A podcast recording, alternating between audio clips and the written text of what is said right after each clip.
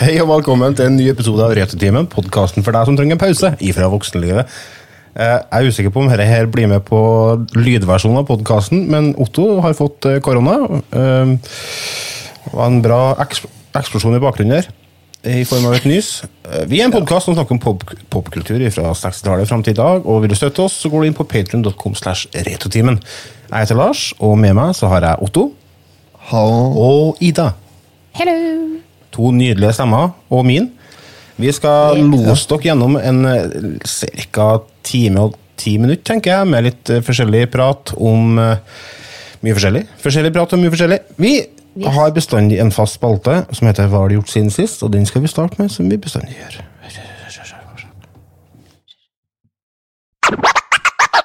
Så jeg vurderer om jeg skal krysse inn panda nå. Det her blir jo ikke bra. Så Jeg ble kontakta av en bekjent, og han hadde 160-170 laserdiskplater.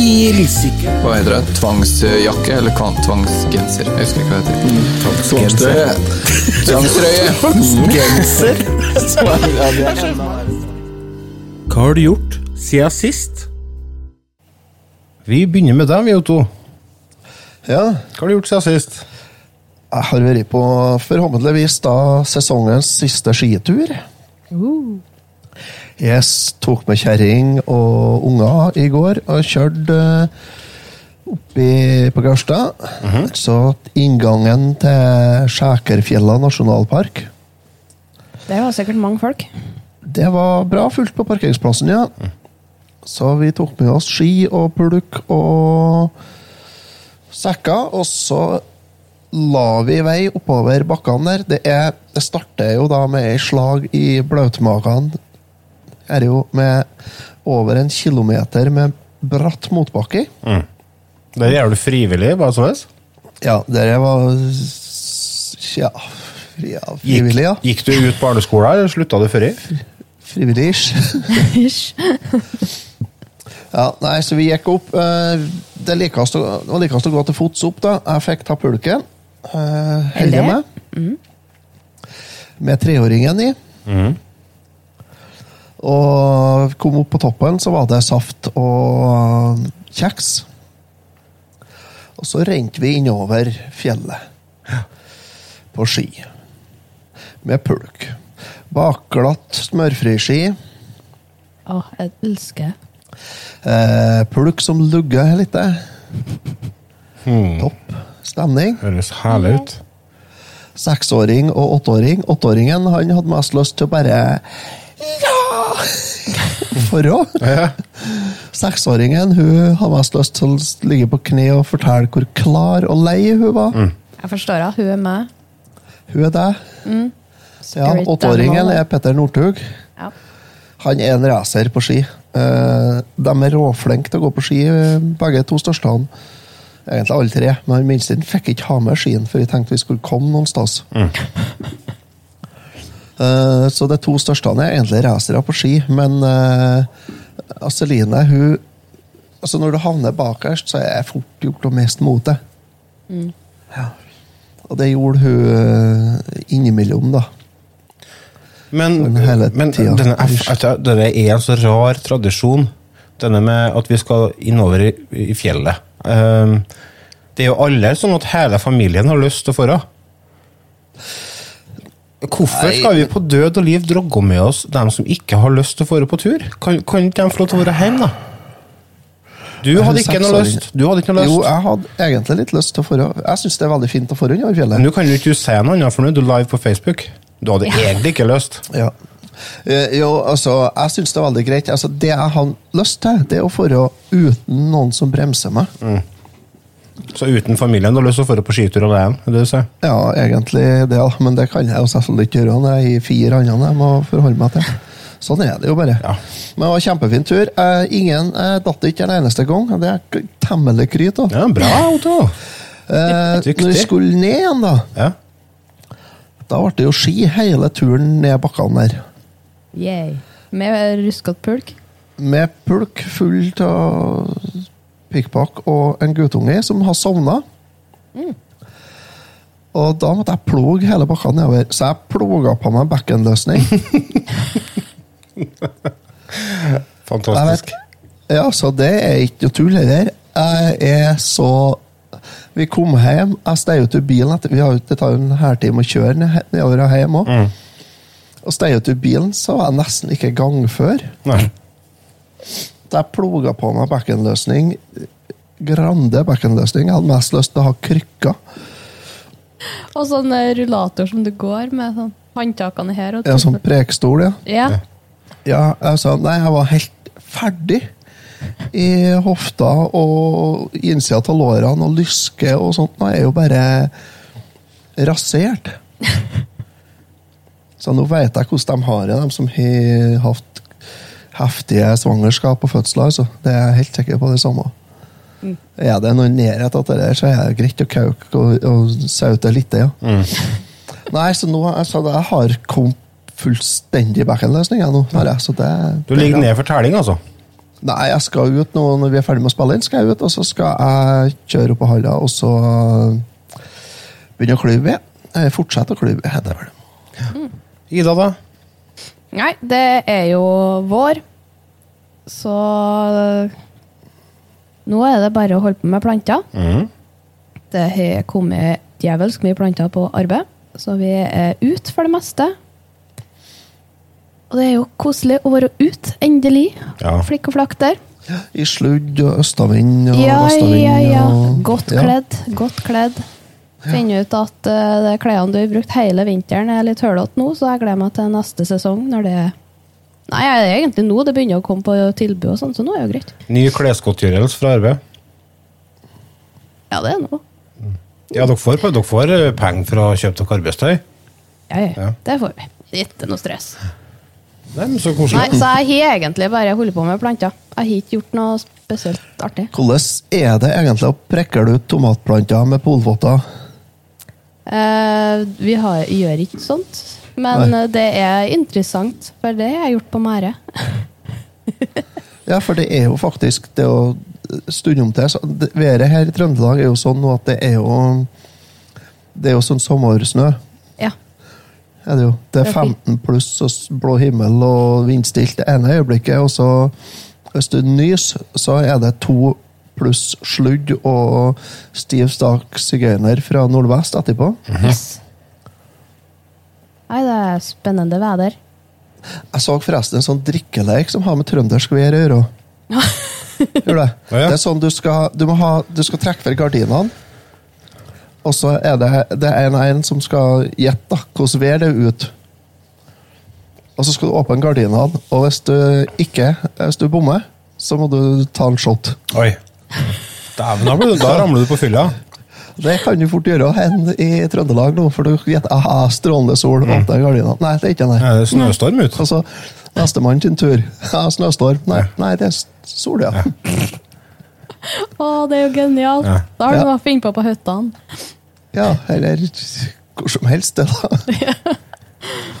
Det eneste du trenger, er vindu og gardiner, liksom. Det er jo Ja, mange som har det. jeg håper nå det. Flere og Men i flere. så- bunkersen bare no! Enn du, Lars, hva har du gjort? Nei, altså her er krigføringa i gang. Eh, Med våren så kommer jo ugraset, og jeg har en sånn liten sånn eh, parkeringsplass som eh, jeg administrerer og har eh, kontroll på. Er det brustein? Det er det, nei, ikke der. Det er det grus, faktisk. Eh, og der har det jo grodd igjen hvert et år. Så i år så har jeg uh, tatt også kjøpt meg greit mye salt. Havsalt. Jeg har kjøpt 75 kilo salt. Det er ganske mye på ganske liten plass. Som jeg peisa utover alt der jeg så at det var tendensene til svineri. I tillegg så har jeg gått til innkjøp av flammekaster. Så her er kampen mot ugraset i gang. Og eh, jeg regner med at eh, jeg taper den. For uansett hva jeg gjør, så kommer det svineri opp. Jeg fatter ikke å begripe hvordan det går an. Så når du ser, du, når du ser en blomster som vokser gjennom asfalt, da må du ta hintet. Du har ikke sjans mot det der. Nei. Utrolig hvor dårlig de tåler diesel Ikke at det er lov til å begynne å tømme diesel rundt omkring, altså. Diesel, sa du? eh, Bare sånn Lite tips. Det er jo de som går med vann, vannkokeren og tømmer over løvetanna òg. Ja. Det er jo for så vidt en mulighet, men det blir så voldsomt mye vann. Ja, Enn hvis du har en treg vannkoker. Ja, jeg Vår tar jo fem minutter å bli sånn hva, kost, hva koster det i på strømregninga? Bare wow! Jeg tenker gassen på flammekasteren nå, jeg, da. Ja, jeg, jeg, Greia er at jeg har bare en sånn liten en. Jeg må ha meg en sånn ordentlig en, som de bruker borti Du har sånn Vietnam. crème brulé-brenner, du. Ja, det, det er jeg meg for på En sånn kne, for på Sånn kne og brenne. En liten brulé. En Med liten en sånn lighterflamme, bare. Ja, ja. Det er jeg holder på på, med. Altså, det er jo ikke- det har jeg holdt på med, og så har jeg øh, Så har vi en sånn liten hageflekk òg, vet du. Der det var, har vært heller som jeg tok bort, og under der så er det Hva er under hellene? Marsk. Ugras. Ja. Så der har jeg òg holdt på, og så har jeg sådd nytt gras. Så jeg har egentlig gjort det de kaller for adulting i det siste. Oi. Jeg driver jo Lars og vært begynner å voksen. bli voksen, altså. Ja. Det var såpass at kjerringa ville lyst til å ta bilde av meg og sende til foreldrene mine. Se hva sønnen deres holder på med. Jeg, jeg, jeg så hun la ut noen bilder på Facebook om at du hadde laga plan eller noe. Ja. Ja, ja. det, det er jo så utafor min profil, skal jeg si. At uh, folk eh, snur seg og ser vet du, når de ser meg holde på med noe fysisk. Jeg begynte å tenke på det. Jeg skjønner ikke Jeg er ikke skapt for fysisk arbeid. Neste nå er at du melder deg på jegerprøven. Ja, det skjer jo. Det skjer. Det er spennende. Ja, da. Så det har jeg gjort siden sist. Ikke så veldig interessant. Men eh, vi skal hive oss over eh, en liten eh, anmeldelse av Monster, Monster Hunter Rise, tenkte jeg. For det har jeg drevet og spilt, og det vil jeg snakke litt om før vi eh, setter i gang med ukens film, som for så vidt er Hair i dag. Um, har drevet og spilt et spill som heter Monster Hunter Rise. som sagt. Det er en serie som starta på PlayStation 2 i 2005. Uh, Rise kom ut i 26. mars til Nintendo Switch, og det kommer en versjon til PC i løpet av 2022. Det er utgitt av Capcom. Jeg har aldri vært borti den serien før, så jeg var litt sånn spent. Jeg visste jo at den har hatt en solid fanskare borti Japan der i mange år, og det er jo, det er jo et kulturelt fenomen borti der. Eh, Men her i Europa og den vestlige verden så har det vært litt sånn undergrunnsgreie. Men eh, med Monster Hunter World, som kom i 2008, så tok spillserien et stort steg ut i verden og ble veldig populært. Jeg har hørt og lest at Monster Hunter Rise spinner videre på den formen som gjorde at det spillet ble så stor suksess, men jeg har ikke prøvd det, så jeg kan ikke gå god for det. Eh, Men det de har gjort, i hvert fall eh, eh, fått det til å funke, for å si det sånn. For spillet har solgt veldig bra allerede. I løpet av de første ti dagene etter launch så hadde det faktisk solgt fem millioner eksemplarer. Til sammenligning med f.eks. Links Awakening, som har solgt eh, 4,3 millioner fra launch til nå. Eller Super Mario Maker 2, som er en av de mer populære spillene på Switch. Det har solgt 6,9 millioner siden launch. Monster Hunter har solgt 5 millioner på ti dager. Så dette kan bli en er storselger, altså. Eh, begge de spillene som jeg nevnte til sammenligning, har jo vært ut mye lenger, så det blir spennende å se på salgstallene framover. Kanskje slår Monster Hunter Rise det som uh, uh, var Capcoms mestselgende spill noensinne, nemlig Monster Hunter World. Det er solgt 17 millioner eksemplarer. Jeg tenker Når det har gått 5 millioner eksemplarer på ti dager, så er det håp. Da er det håp. Plottet er som følger. Altså, du befinner deg i en landsby som heter Kamura Village. Og du er blitt forfremma til å bli en sånn monsterjeger. da. Du blir eskortert eh, til sjefen i landsbyen, en fyr som går under navnet Fugen. Og på vei dit så skimter du et flygende monster i langt i det fjerne. Et lite frempek der, altså. Når du kommer fram til landsbysjefen, så blir du gratulert med forfremmelser, men du blir også advart om at de har sett signaler og tegn på at det de kaller The Rampage kan inntreffe igjen. The Rampage det var en katastrofal hendelse for 50 år siden der svære horder av monster angrep byen. Og Nå frykter de at det kan skje igjen. Så du får beskjed om å forberede deg på det. da. Gjennom å gjøre forskjellige oppgaver for dem som bor i landsbyen. Blant annet ta det monsteret, for det blokker en vei bruker for å frakte ditt og datt, f.eks. Eller samle, samle x antall planter og vegetasjon som de skal bruke til et eller annet. Eh, Men henne er ikke et spill du spiller for, eh, for storyen sin del. For den er, som dere hører, ganske tynn. Mm. Men det er, det er liksom ikke det som driver deg fremover. Eh, Det er en loop som går gjennom hele spillet. Den gjentar seg runde på runde. Og den er sånn at du, du får et oppdrag om å ta ut et monster. Eh, og da får du litt informasjon om monsteret. Eh, hvor det befinner seg hen, og litt sånne ting. Og så må du forberede deg på jakta gjennom å velge rett våpen, rustning osv. Og så må få deg litt mat og sånn, da, selvfølgelig. For de har jo Du, det er en sånn eh, lydfil her som jeg må spille av, som jeg har fått litt dilla på. For eh, når du driver og forbereder deg til den jakta, så skal du borti, borti restauranten og så kjøpe deg eh, Hva det kaller det? Bunny dango eller noe sånt? Bunny dango. Det er en sånn matrett da, der du kan kombinere tre kuler. Alle kulene har forskjellige egenskaper. da. Eksempel, Ei kul gir deg mer resistant eh, mot eh, flammer. En gir deg ekstra eh, forsvar og sånne ting. Og når du har bestilt det, så kommer musikken her.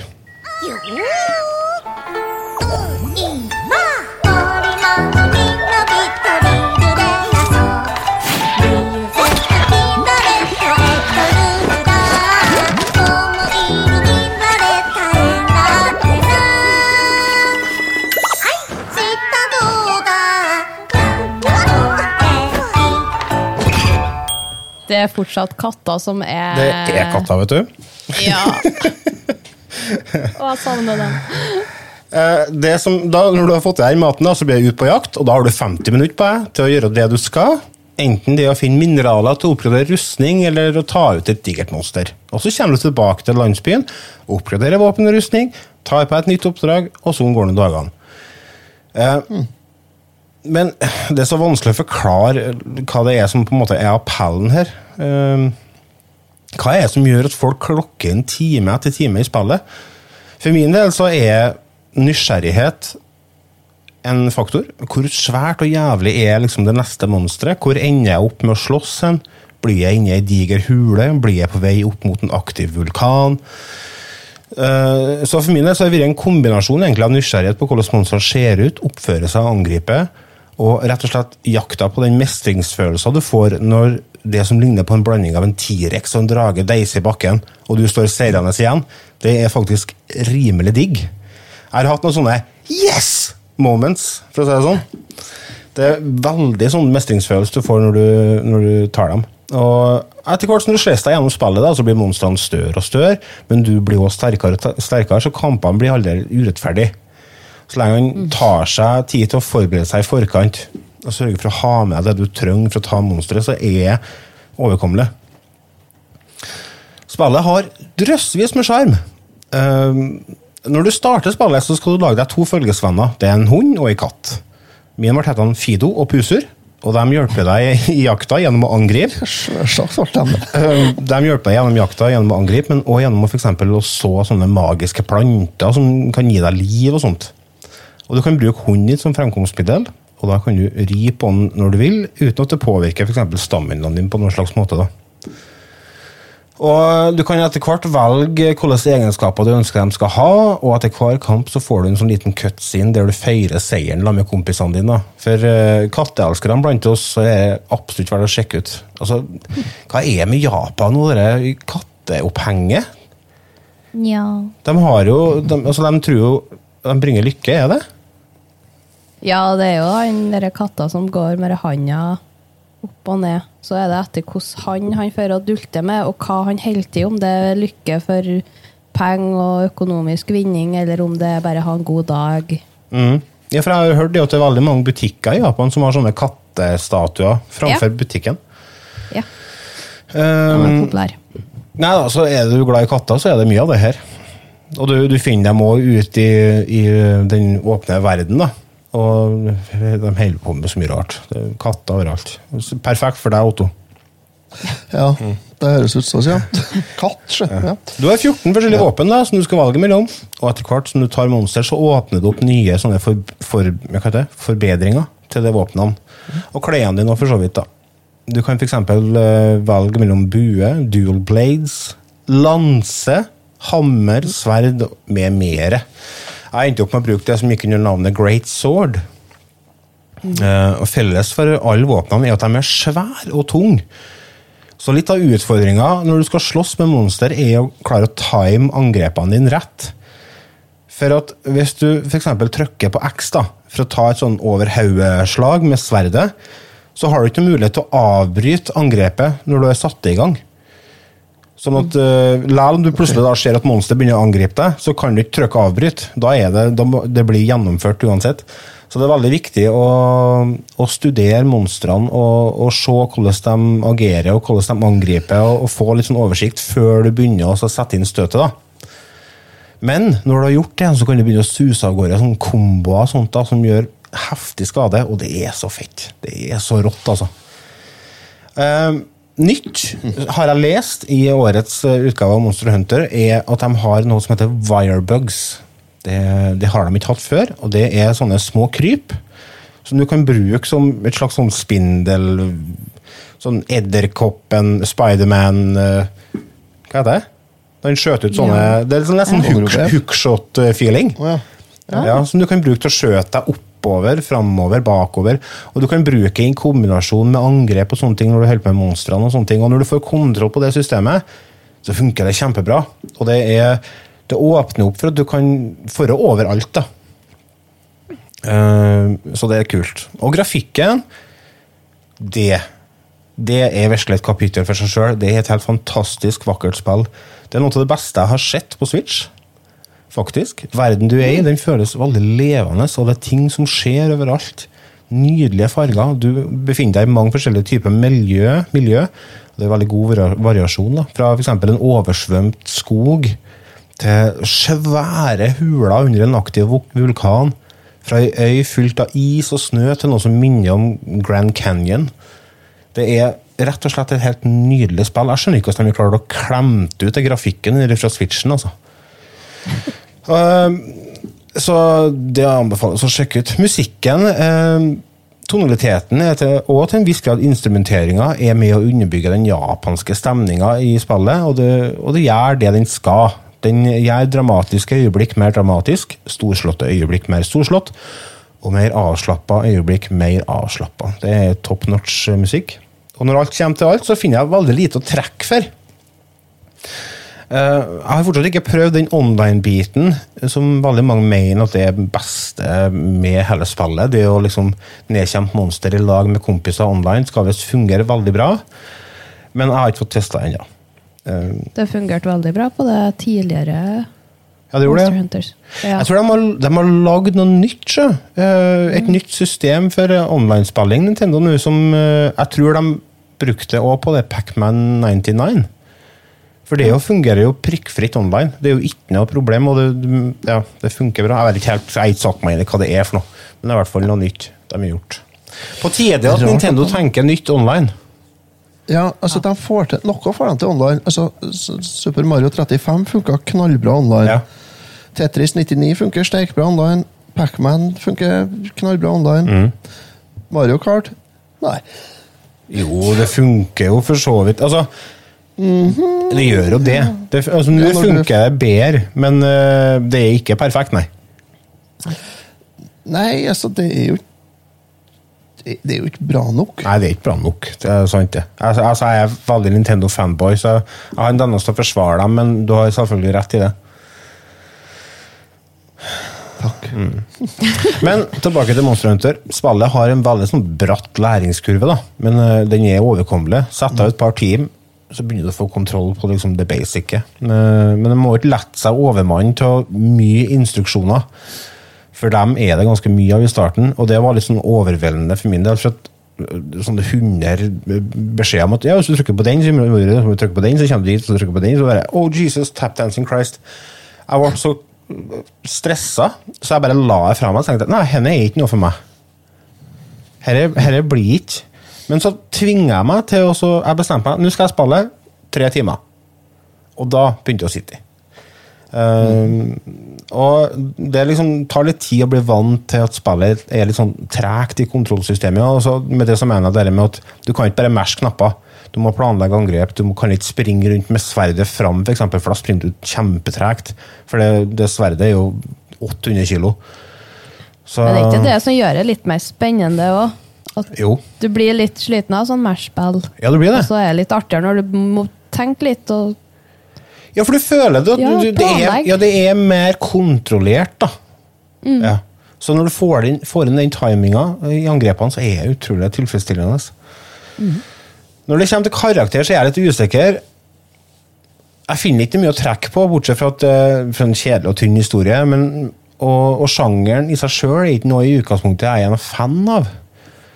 Eh, og jeg blir litt sånn stressa når jeg skal forholde meg til veldig mye samtidig. Altså det, er veldig mye forskjellige våpen, veldig mye forskjellige innstillinger og sånne ting, men det er jo sikkert positivt for mange.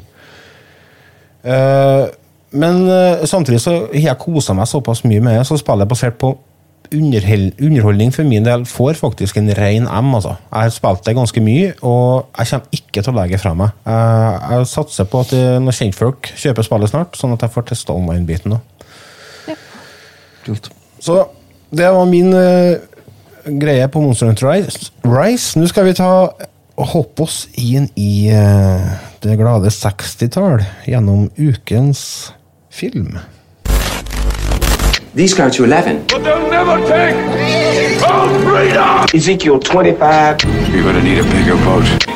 Nobody puts baby in a corner. Make my day. I'll be back. Yo, Adrian! I did it!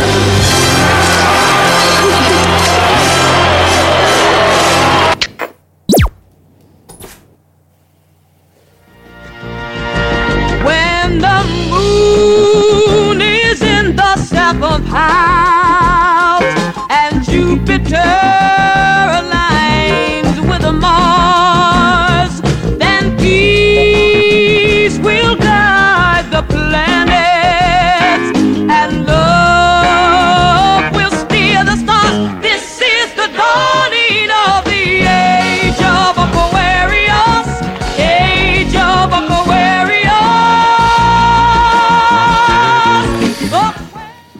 Kjenner dere hardstrøken? Det er Det jo lukter litt søtt her. Ja, det, det er dere det skittin og hårete kjerringene? Møkkrått tipper jeg. Omsverm oss her. Lukt av uh, grantre. Nei da, vi skal, vi skal snakke litt om filmen eh, Hair. Som eh, er basert på en musical som ble uh, gitt ut, eller satt opp på scenen i 1968, hvis ikke jeg husker helt feil. Denne filmen her kom elleve år senere.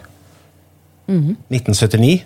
Uh, dette er jo en film som jeg for min del har hatt et veldig godt forhold til i mange år.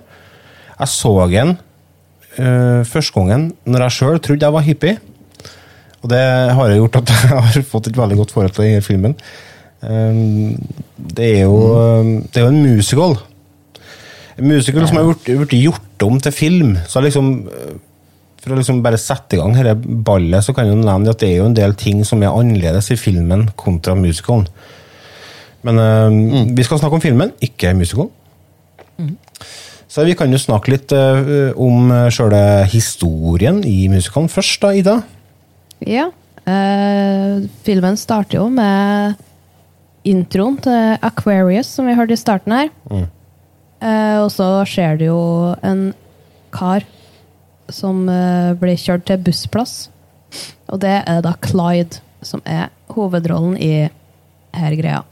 En av hovedrollene. Han skal ta bussen til New York, være der noen dager før han eh, melder seg inn i militæret og skal dra til Vietnam. Han tenker han har noen dager i New York før han drar i militæret, og da møter han jo så klart på en gjeng med hippier. Med Burger og Janine og hele gjengen der. Og så stiller han jo litt det dumme spørsmålet Hva kan jeg finne på i New York? Ja. Og de smiler bare. Ja. De har en idé, de. Her, De har en idé. De, har en idé. de tar den under vingene sine. Den skitne, Ja. møkrete, hårete vingene sine. Yes, det gjør de. Og stakkars Clyde fra Oklahoma. Ja. Bondegutt med cowboyhatt og veit ikke noe fra nå egentlig annet enn hvordan du skal opp, oppdra hester. Ja. Ble tatt inn i storcity-livet med veldig mye narkotika. Narkotika Å, og fri kjærlighet og, og det som hører med. Ja, ja. Alt det der. Claude eh, spilles jo av John Savage, som eh, og spilte inn filmen 'Hjortejegeren'. Han var jo med der. Og det er jo også en sånn Vietnam-film, for det er jo en sånn anti-Vietnam-sak. Han er For òg med i Gudfaren 3.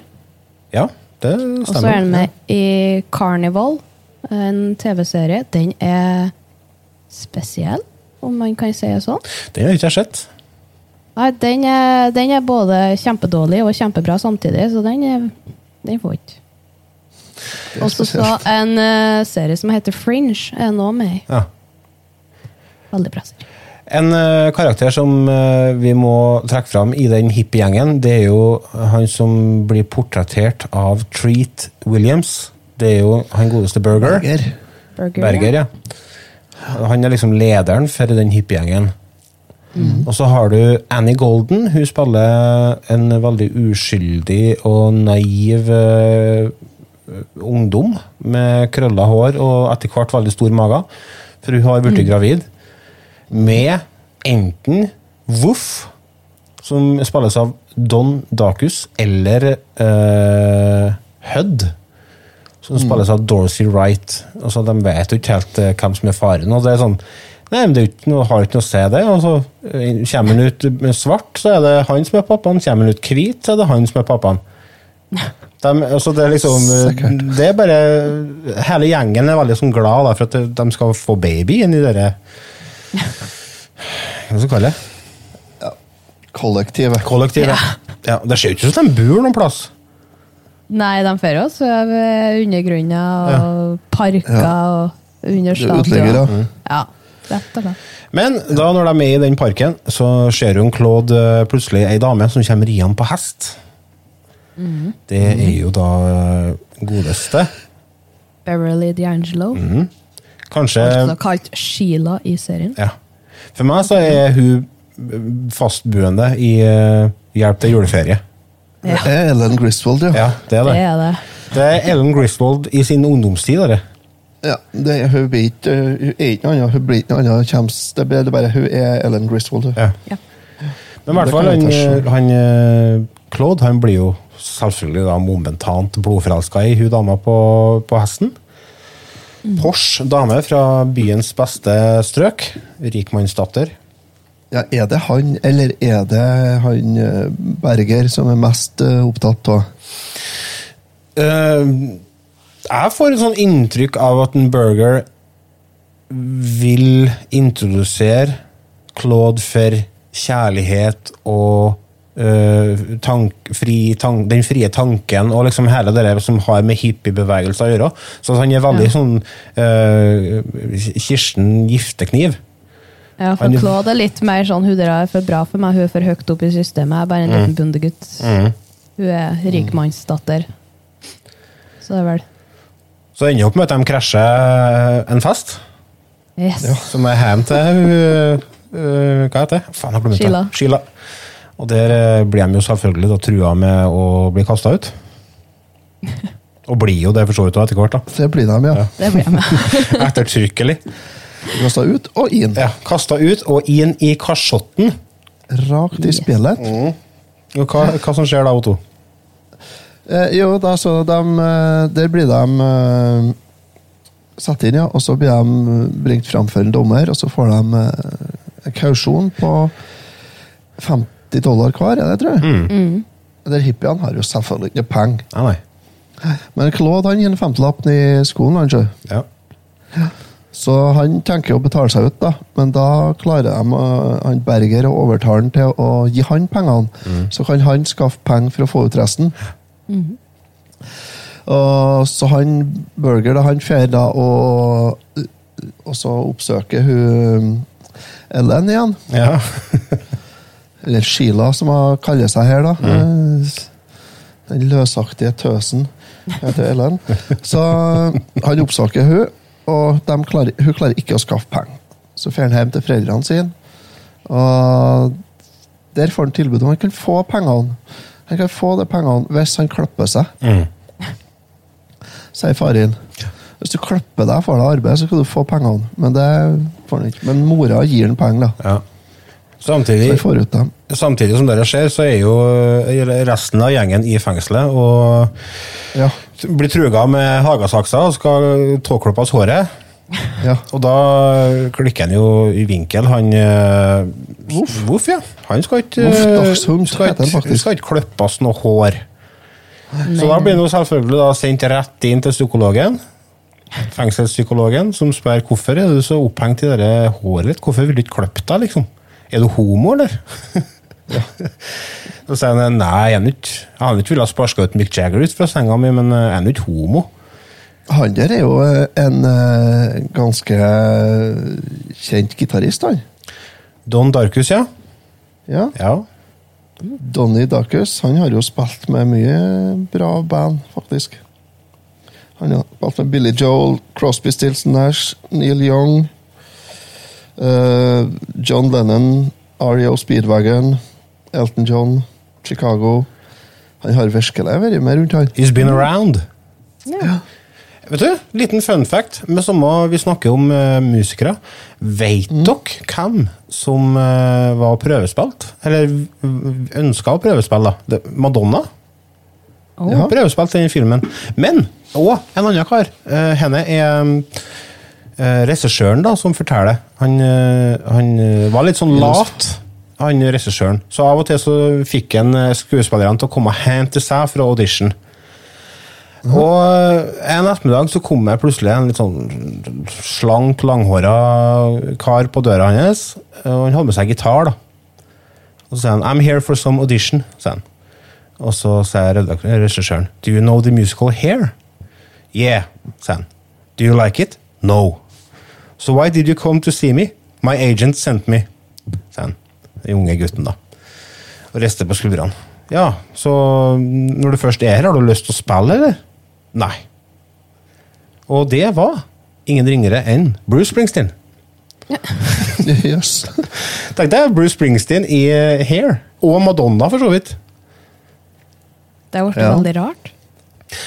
Spennende. Men Madonna kan jeg godt se for meg, for, at hun har jeg sett i musikaler før, og det funker. Hun er god på det. Men spilte Springsteen Ja, Evita. Springsteen har jeg litt mer problemer med å se for meg i Men jeg vet ikke hvilken rolle han eventuelt ha spilt. Da måtte det vært Burger, det. Eller Voff. Eller Voff, Ja, ja for så vidt. For så vidt. Ja. Eh, eh, uh, eh, eh, ja, eh, de blir kastet til festen, havner i Nikasjotten og kommer seg etter hvert ut. Og eh, havner på en syretripp i eh, Hyde Park. ja. Våkner opp, sliten og jævlig, dagen etterpå.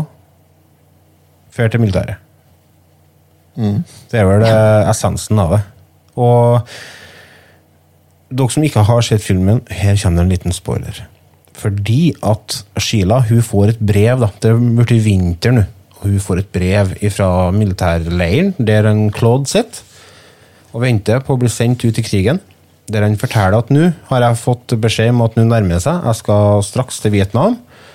Og da oppsøker Sheila hippiegjengen i Hyde Park og forteller om meg, og da ender de opp med å lure til seg en bil og suser den over til Nevada. Og da er, er mange inni den bilen der. Seks stykker inni en bil, tror jeg det. ja, det er mange. unge i fanget uten altså det, øh, Tenk deg hvis det bilen har krasja! Hender og foter overalt. Yes. Kommer fram til Nevada og øh, får- blir nekta å komme på besøk da, til Claude. Og Det er rart. det er- Nei, dere får ikke komme inn i militærleiren her, dere. Snu. Ja, Snu. Det er bare snu. Han er trassig, han militærpolitiet som står der. Jeg får lyst til å Ja, klappe ja. henne. Avbryter burger midt i setningene. Ja. Nei og nei. Sånt er så irriterende. Å ja. Men da finner jo en eh, Burger på en god plan, da. Og eh, det de gjør, er at de får Sheila til å eh, forføre en eh, etter hvert ganske berusa militærperson, eh, soldat, på en bar. Og Så tar de med seg soldaten ut i bilen, og så kjører de ut i ørkenen. Og så narer han med seg ut av bilen. Og så kommer gjengen bakom og tar bilen og reiser av gårde med både uniform og det mer. Og så narer Burger seg inn på, på militærleiren og bytter plass med Claude, så at Claude får treffe resten av gjengen. Og i løpet av den seansen der så kommer det eh, høyere eh, militærpersonal eh, personell inn i brakka og forteller at nå har dere tre minutter på dere. Det er bare å pakke sammen sakene. Nå skal dere eh, ut i flyet og ut i krigen. Og ender opp da selvfølgelig med at en eh, Burger fer til Vietnam i stedet for Claude. Og dør i Vietnam. Det er Hair, filmen, historien i et uh, nøtteskall. Ganske godt forkorta. Er det noen låter som dere likte bedre enn andre? Det er jo mye bra sanger her, syns jeg. Det er veldig mye bra sanger. Eh, Den som har sittet fast i hodet mitt siden vi så den på ungdomsskolen, er Manchester, England, England. Det er det første jeg tenker på når jeg hører den filmen. Den har vel et lite lydklipp av. Manchester, England, England, across the Atlantic Sea. And he's a genius, genius. He believes in God. And he believes that God believes in Claude. That's him. That's him. Claude Hooper Bukowski finds it it's groovy to hide in the movie.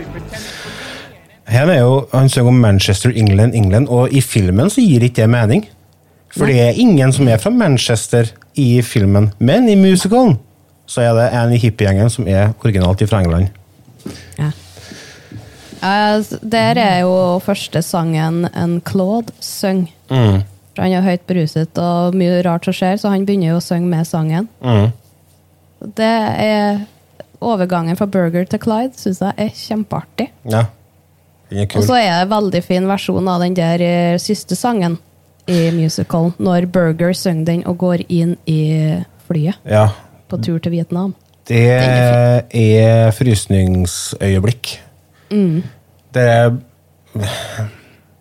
De marsjerer som lemmings eh, inn i, i flyet, og du ser liksom det blikket og den frykten han utstråler der. Han er redd, altså. Han, han vet jo ikke noen ting hva han går til. Det eneste han vet, er at eh, mest sannsynlig så kommer han ikke hjem igjen. Nei. Liten fun fact, ikke fun fact, men en liten fact. I musicalen, eller i filmen, så er det en sang som heter 3500. Og det er antallet døde amerikanske soldater per måned i Vietnam. 3500 amerikanske soldater døde hver måned. Det er mye! Det er mye. Over 100 stykker om dag. Det er det. Kanskje de burde ha tatt hintet da, og ikke virre her.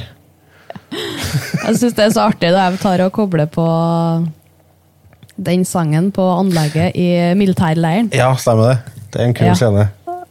Og militæret får jo ikke av det der, så de ender opp med å skjøte alt av høyttalere. Ennå ikke klar å finne off-knappen. Dra nå ut noen ledninger, Ja, da skal vi skjøte alt. Det har jo vært bare å drygge ut strømledningen til veggen, så hadde jo lyden ja, fyrt. Ja. ja, ja, ja. Nei da, vi skal skjøte alt. Skjøt nå for all del sunn. Ja. Eh, direktøren i filmen er jo en eh, Milo Forman. Heter det direktør på eh, norsk? Nei, det heter ikke det. Det er Regissør, Ja. ja.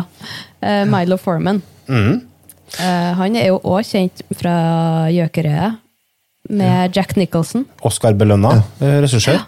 En annen film som han har laga, Larry, Flynn, skanda Larry Flint, 'Skandalenes mann'. Det er han pornofyren, ikke Jo. Ja, Og en liten skjult perle. Så vidt, så fremt jeg husker rett, da, så mener jeg denne filmen er veldig bra. Det er en film som heter Amadeus. Ja, det er jo han. Fra 84. Ja, Den så vi på skolen, husker jeg. Og jeg mener å komme på at den var jævlig bra. Og da, Ja, jeg jeg så på traileren på den. Den er kjempeartig, ser den ut. Artig. Er det sånn artig film? Ja, det er humorfilm. Og jeg trodde det var når eh, Amadeus eh, skrev eh, Ja, det er humor, eh, comedy, Ja, så det? et eller annet. Ja, ja, ja. Ok. Jeg trodde det var drama. Jeg trodde det var Ja, drama. sånn dramakomedie.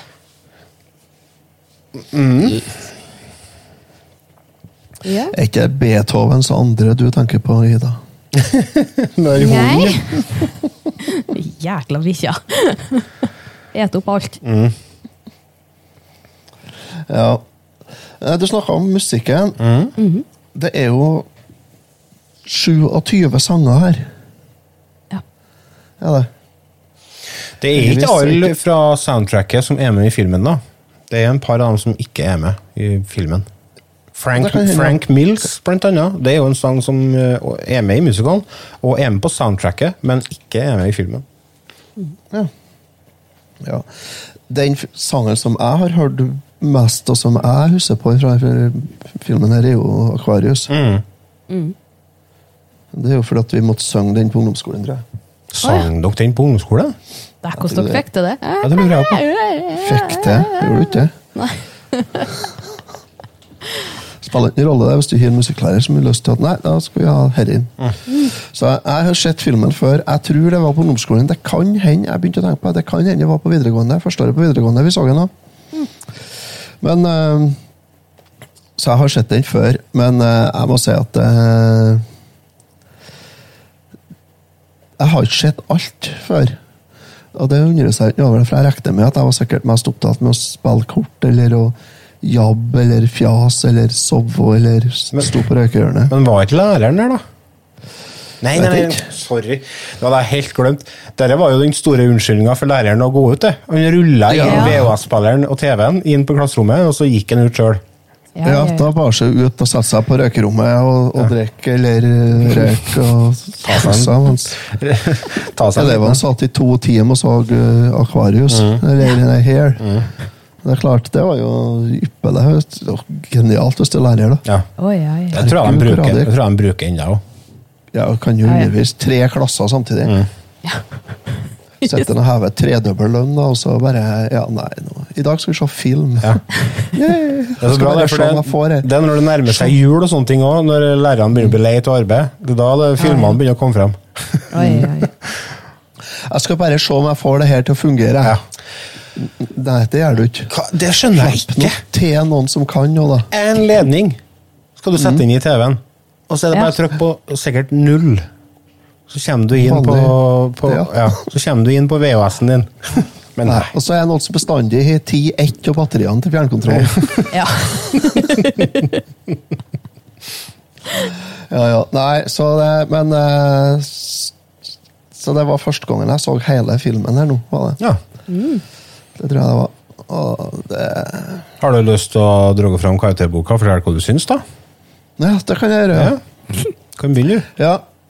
Eh, Det starter jo, som sier, det er jo med en gjeng skittin eh, apekatter, og historien er Ja, skal vi se hva jeg har skrevet her, da. Historien er lite troverdig. eh, Den er ikke fengende. Jeg får null liksom forhold til karakterene og skuespillet og sånt imponerer meg ikke i det hele tatt. Musikken syns jeg er dørgende kjedelig. Alt i hop hele veien. Jeg syns jeg er Det er radiomusikk. Sånn som bare skifter kanal. Eh, Det er jo en forherligelse av dop tvers igjennom hele veien, og det er jo greit nok, for det forventer jeg i en sånn setting. Og Nei, altså, jeg kjeda meg grusomt. og Jeg, heldigvis fikk jeg tida til å sitte og jeg, Det var ikke noe problem å få tida til å gå og hente seg en øl og, og skrive litt notater underveis. Så Filmen får en noen av meg, og da har jeg gitt den litt pluss for eh, at han er flink på hest.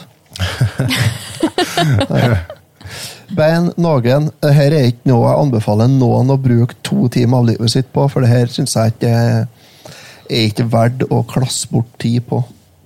Skygg unna, folkens. Ida, da? Jeg er ganske glad i musikken Jeg er her eh, filmen. Men jeg tror kanskje det har vært artigere å sett eh, Broadway-versjonen av den. Eh, jeg har jo sett den her på ungdomsskolen og videregående gjennom skolen. Og så har tiendeklassen klassen noen år over meg, ha den som musical og vist fram på scenen. Vår klasse har Cats, of course. Eh, nå i seinere tid, jeg tror ikke skuespillere og sånt og filmen klarer seg i dagens. Men eh, Så da kan du like så godt høre på musikken, for den er jo kjempebra. Eller se Broadway-versjonen, for det finnes noen klipp av på YouTube. Eh, Det får stor pluss av musikken for min del, så jeg gir den en G pluss. Mhm. Så skal vi høre hippiekallen her nå. Uh, ja, nei, altså, det- er fascinerende at vi kan ha så forskjellige oppfatninger av, av det som skjer på skjermen.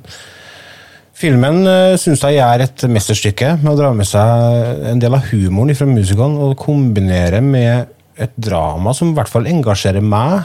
Eh, resultatet blir en kombo som funker kjempebra. Den spiller på mange strenger samtidig. Den kritiserer krig, øh, kritiserer datidens syn på rase, sex og kjærlighet pluss pluss.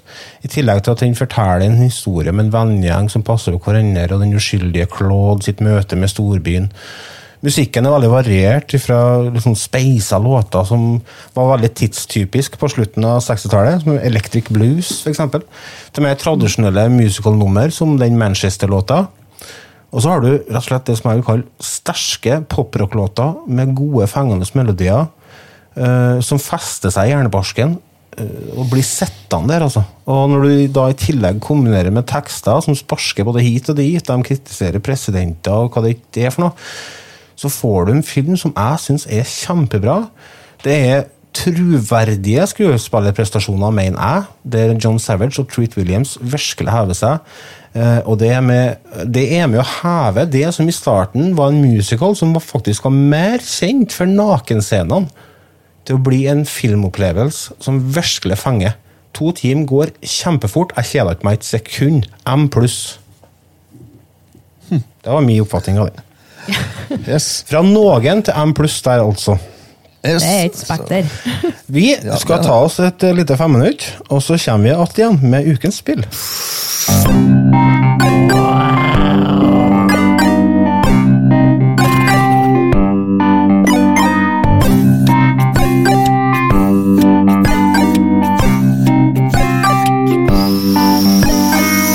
Du hører på Retrotimen.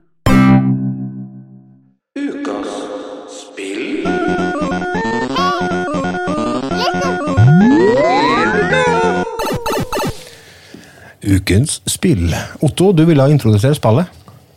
Det kan jeg gjøre. Herzog 2. Eins, zwei, drei. In the murky dawn, the tyrant's troops scuffle towards foxholes and tanks. Taking battle position, they quickly check their equipment and load cannons. Then they hunker down, await- awaiting the cry Attacke! Det er da eh, et eh, spill til Sega Megadrive som som kom ut i Europa i 1990. Yes. Det er et Det er det eh, første RTS-spillet, faktisk. ja, Med RTS si? så tenker du da real time strategy. Stra Ja. Strategy. Ja. Det var det her som starta sjangeren, der uh, du har eh, Som har kommet senere, da kan du si, med Warcraft og Starcraft og Dune Dune 2 og Command and Conquer. Så det her er Det er en sjangerskaper. Er det Ida som kom med forslaget til spillet. Hvorfor gjorde du det, Ida? Eh, Jeg nei, jeg spør jo han jeg deler sofa med, om eh, hva skal vi snakke om. Og så sa han at dere kan jo ta en trip eh, nedover memory linen min.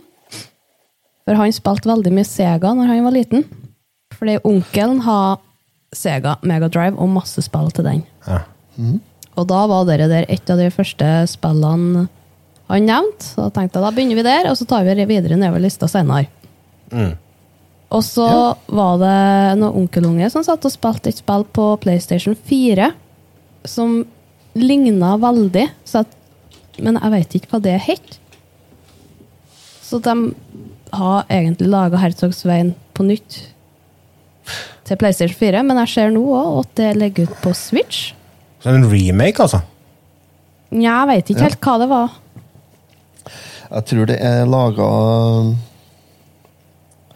remake til, til Switch og Ja, det er til Switch, i hvert fall. Ja. Nei, det er det på PS4 òg. Det er jeg veldig usikker på, men det ligna i hvert fall veldig. Og da var da vi begynte å rote fram Segaen. Jo, du, det ligger jo på dere Sega Ages, gjør det jo. Mm, det er det. På airshopen? det. Ja. Ja, altså det er online-greie. Altså, du må kjøpe online. Du, det fins ikke fysisk, sikkert. Du må kjøpe digitalt, ja. Så da tenkte jeg da tar vi det, og så prøver vi oss litt på Sega. Så det er, det er grunnen hvorfor vi valgte dere. Jeg har aldri prøvd det før, Nei. så jeg syns det var litt spennende. Ja. Artig nytt for oss alle, tenkte jeg. Eh, ikke Otto, som allerede har det. Ja. Han, han er jo den store Sega-fantasten iblant oss, så han hadde jo selvfølgelig det på kassett. ja. Eh, hva du syns da? Eh, Hva dere syns? Nå er jeg spent. Spent, ja?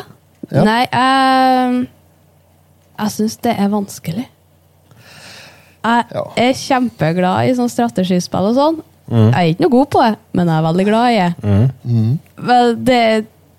Det sto jo ingen plass om hva du skal gjøre, ingenting. Og så trykker du noe rundt på spaker. Ja, du har denne boka. så Den har ikke jeg. og trykker rundt, og ikke noe som fungerer, ingenting. Og så kommer plutselig han du spiller imot, og dreper deg. Da har det begynt på nytt. For du har en sånn base som du, skal, som du skal forsvare, samtidig som du skal angripe andre sine baser. da. Ja, og så skal du ta sånn mellombaser, så du kan utvide deg sjøl. Og utvikle litt flere figurer.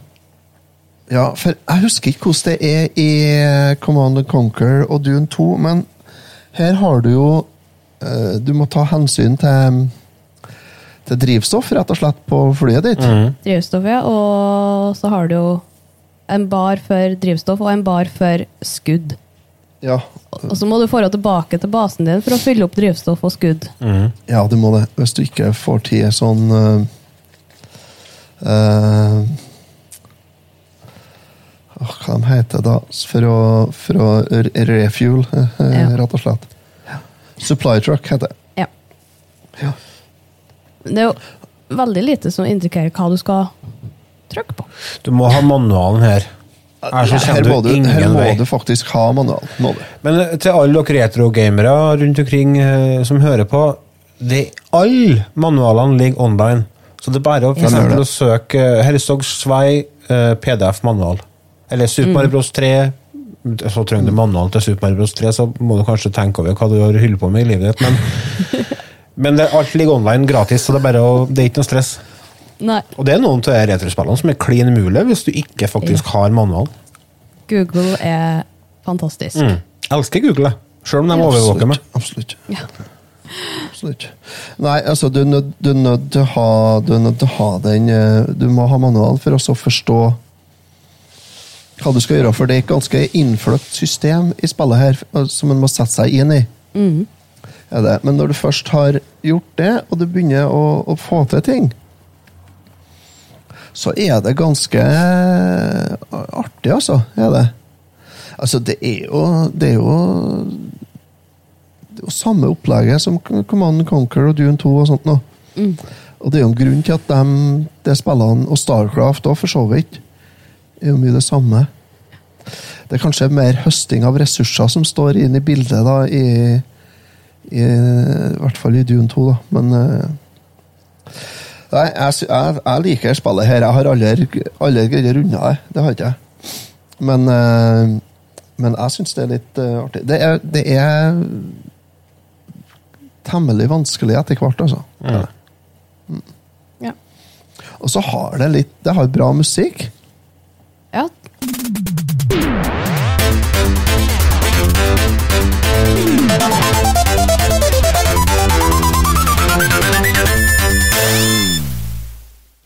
Fett.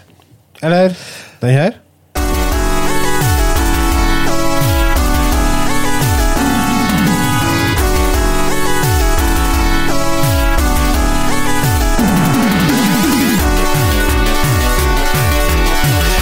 Hør- Hører dere den trommebrekken der? Fikk dere spilt noe toplayere? Nei, det har jeg ikke prøvd. Vet du, det var jo ingen som ville spille det sammen med meg. Nei, det er rart med Det er to player split screen på her. Ja, det har jeg fått med meg. Ja. Det er litt kult, det. Hei, bli med og spille et Eh, Sega-spill fra 1990 lamma strategispill. Nei. Det Det, utgår nei, det, det er et 30 år gammelt strategispill. ja, Ja. det, ja, faktisk 30 år. Jesus Christ. Men det som man kan legge merke til med musikken i spillet, her, er at de får til å De har fått til å utnytte uh, den eh, lydkortskippen i Megadriven ganske bra, altså. Har de. Syns jeg, da. Uh, musikken er knallbra, og så er det Det er ikke basert på sånn lyder av døende katter. Er det noe Sega plages med?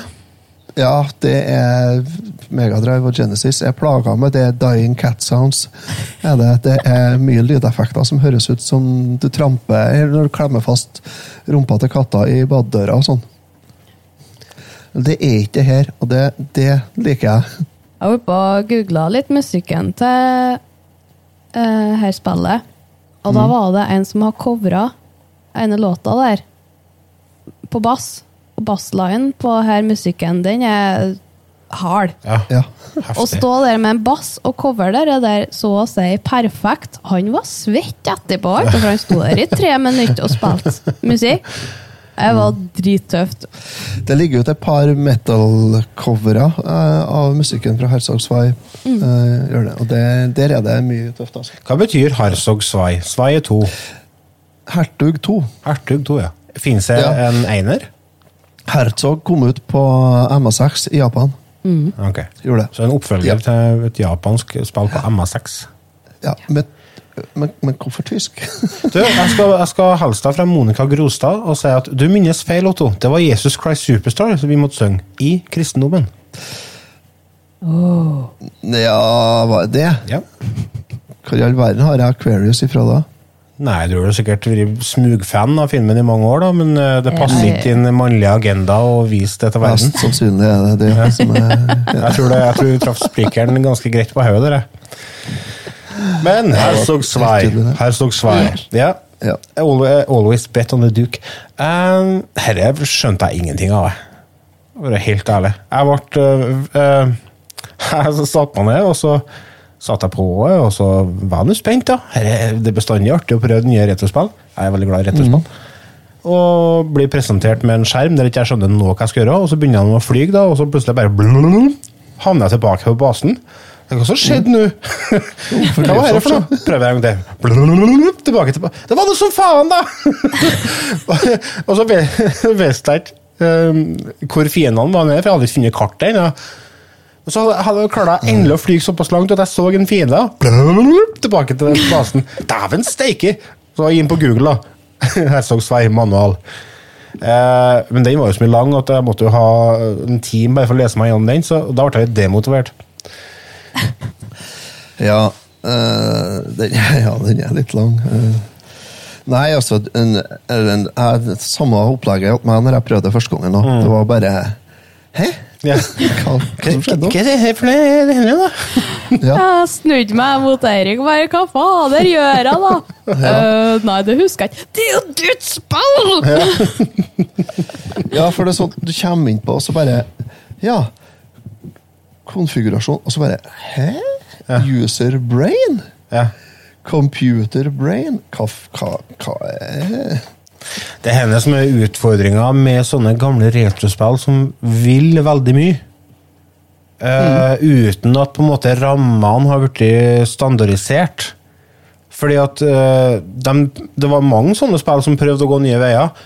Men som, hvis ikke du har spesiell interesse for den sjangeren, så har du ikke noe peiling på hva de helt har tenkt og, og, og lagt opp det her.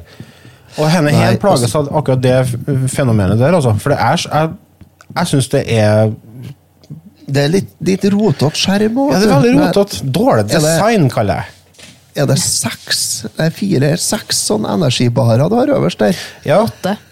Åtte, ja. det, ja. Og først så tenkte jeg, hva, er dere forskjellige spillere, eller er det alle din? Ja, og så er det liksom Det er en som går ned nå, og s- men nå går det en annen Og så var det ikke noen indikasjon, eller du finner jo ut etter hvert, men du visste du ikke hvem som var din til å begynne med. Nei, nei, Nei, nei. nei. Og den, er- den, er liksom ikke, den er ikke plassert øverst til venstre, som har vært helt naturlig å gjort. Eller øverst til det er høyre. liksom det er sånn midt på skjermen. Nummer tre. Tre midt på det. Ja. Ja. Så de har gjort det så rotete og knotete. ja, de har jo De har jo villa veldig mye, da. Mm. Ja. Og jeg tror ideen, ideen Men de er, det som du bruker å si, Lars, her er de bare i ja-fasen. ja, men i Ja, det må vi ha med! Ja, det må vi ha med. Har de ikke tenkt på at de skal pakke det inn i en sånn, i en sånn liten plastkassett til Sega. Liksom. Det er sånn, Som skal være forståelig for folk. alt skal inni her! Ja. Og et bitte lite kretskort som sitter inni her noe sted. Mm. Og der skal, der skal det liksom fungere ifra. Mm. Men så når det kommer til stykket, da, og du begynner å spille, så viser det at Kanskje, kanskje er det noe vi har glemt av nå? Nei, nei, nei. nei. Brukervennlighet har vi glemt av. Ja. Nei, jeg er litt sånn nøye. Ja, Ja. Ut med Nei, brukervennligheten. lese man, vi, vi skriver det da i manualen. Ja. Det var, det var jo som de laga TV-spill på 70-tallet, med sånn adventure til Atari og sånn. Eller ET, for den saks skyld. Det den må du jo ha manual til for å skjønne hva du holder på med. Det må du. Men vi som vokste opp med, med f.eks. Uh, Super Mario Bros. 1, som er uh, fantastisk design som, ja, som, ikke har sett man, ja, som lærer deg uh, spillteknikkene uten at du er klar over det sjøl. Ekspertdesign. Så blir sånne spill som henne veldig fort frustrerende. Ja. Og så tenker så er jeg veldig mye musikk, veldig mye lys, veldig mye på en gang. Mm. Og så sånn Ja. mm, Og så eksploderer du, og så kommer det noen lyder Ja. Og så tenker Hva er det Ja. nå, da? Warning, warning, warning. Men da er jo bare å kjøre deg tom for bensin, så kommer du tilbake til dit du får warninga. For det er jo, Ja. det er jo angrep på din base. Ja. Det fant jeg ut flere ganger, faktisk. Au. Jeg har ennå ikke vunnet én runde, Nei, ikke heller. og det plager meg grønt. Jeg vet du, Det plager ikke meg så gærent, for dette er nok et spill jeg kommer til å ha testa en gang, og så bare latt det ligge. Det er ikke noe jeg kommer til å gå tilbake til, for det ga meg veldig veldig lite. Jeg kan sette pris på, på det de eh, på en måte satt, satt i gang.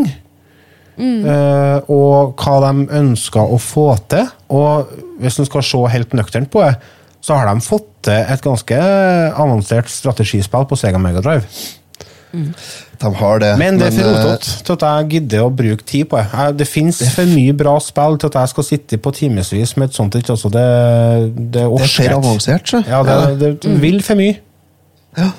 Det er det som er problemet, egentlig. Og så er det at de har begynt Altså, de har funnet på en helt, ny, en helt nytt ballspill, og så har de funnet på en hel masse regler. Og så er det ingen som vet hvordan de skal spille etter de reglene. Nei. Og så det, sånn at jeg anbefaler ikke å begynne med det her heller. Altså, da har jeg heller villet brukt tida mi på Command and Conquer eller Dune 2.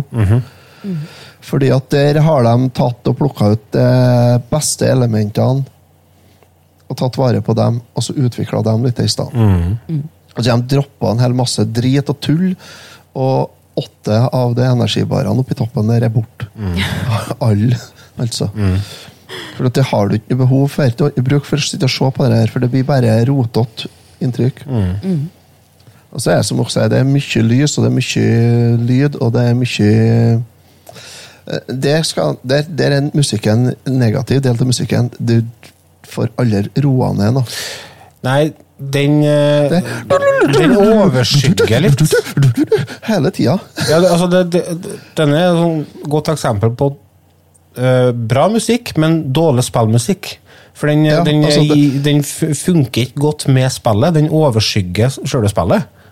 Ja, så har den ikke noe med spillet å gjøre. Nei. Føler du? Nei, den, den, det er stemmer ikke overens. Nei, det er ikke det. er som å høre eh, Ja, nei, det, det blir det, det, det harmonerer ikke. Det blir som å sitte i begravelse og høre Pantera. Det matcher ikke. Nei, det er ikke det, altså. Ikke helt, nei. Nei. Så sånn karaktermessig sett, så Jo, for så vidt. Altså Cemetery Gates. Ja. Eh, men sånn karaktermessig, hvis vi bare skal hoppe over på det, så, så er jeg nede på noen her, for jeg syns ikke jeg var artig. Jeg syns jeg var kjempekjedelig, faktisk. Så du kan ikke få mer enn det. For jeg, jeg dømmer etter hvordan jeg opplever spillet, ikke etter hvor bra det var laga. Eller sånne kvaliteter. Nei, jeg kan ikke eh, Jeg kan ikke gi det her spillet her noe bra karakter, fordi at jeg syns ikke eh, Det er ikke spesielt bra, altså. Nei. Ikke. Men samtidig så er det ja, men Vi må gi det kred for at musikken er i utgangspunktet bra.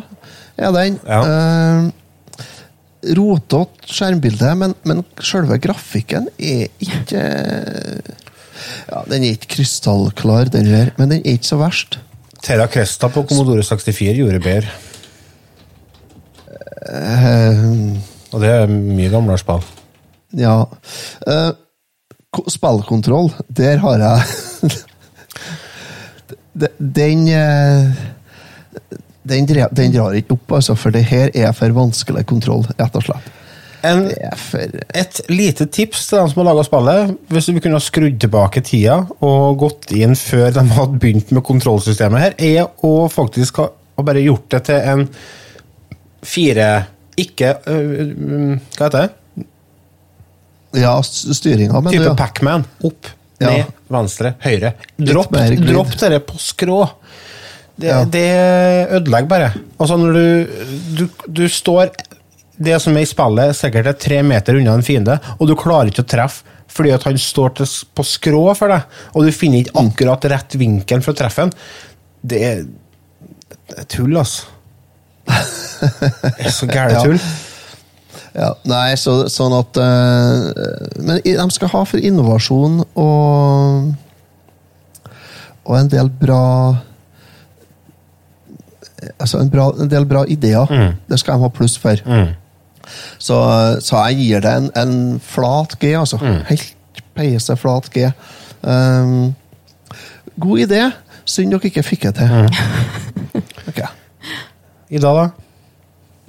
Nei, jeg er veldig usikker på her spillet. Det er djevelsk vanskelig, umulig å få til, men jeg liker hvordan det har blitt utvikla videre i andre spill. Inspirert andre spill. Du liker de bra spillene som har kommet etterpå? Ja. De er Det har lite med dette å gjøre. Det har det ikke. Nei, det er rotete. Eh, veldig hypa opp musikk, men koselig i enkelte plasser. Rotete skjerm. Jeg G minus-ish. Mm. Det blir interessant å prøve det på, på Switchen, den remaken, fordi at der er det lagt opp til tutorial og sånne ting. Eh, som gjør at eh, det sikkert blir litt lettere å komme inn i. Men eh, alt i alt, dere trenger ikke å spille dette på stega. Ja. Det var det vi rakk i ukens episode av Returtimen. Vi takker dere for følget og håper at dere kommer tilbake igjen neste uke og, og koser dere i lag med oss en liten time igjen. Fram til da så får dere bare ha det bra og ta vare på dere sjøl. Vi snakkes. Hei! Ha det!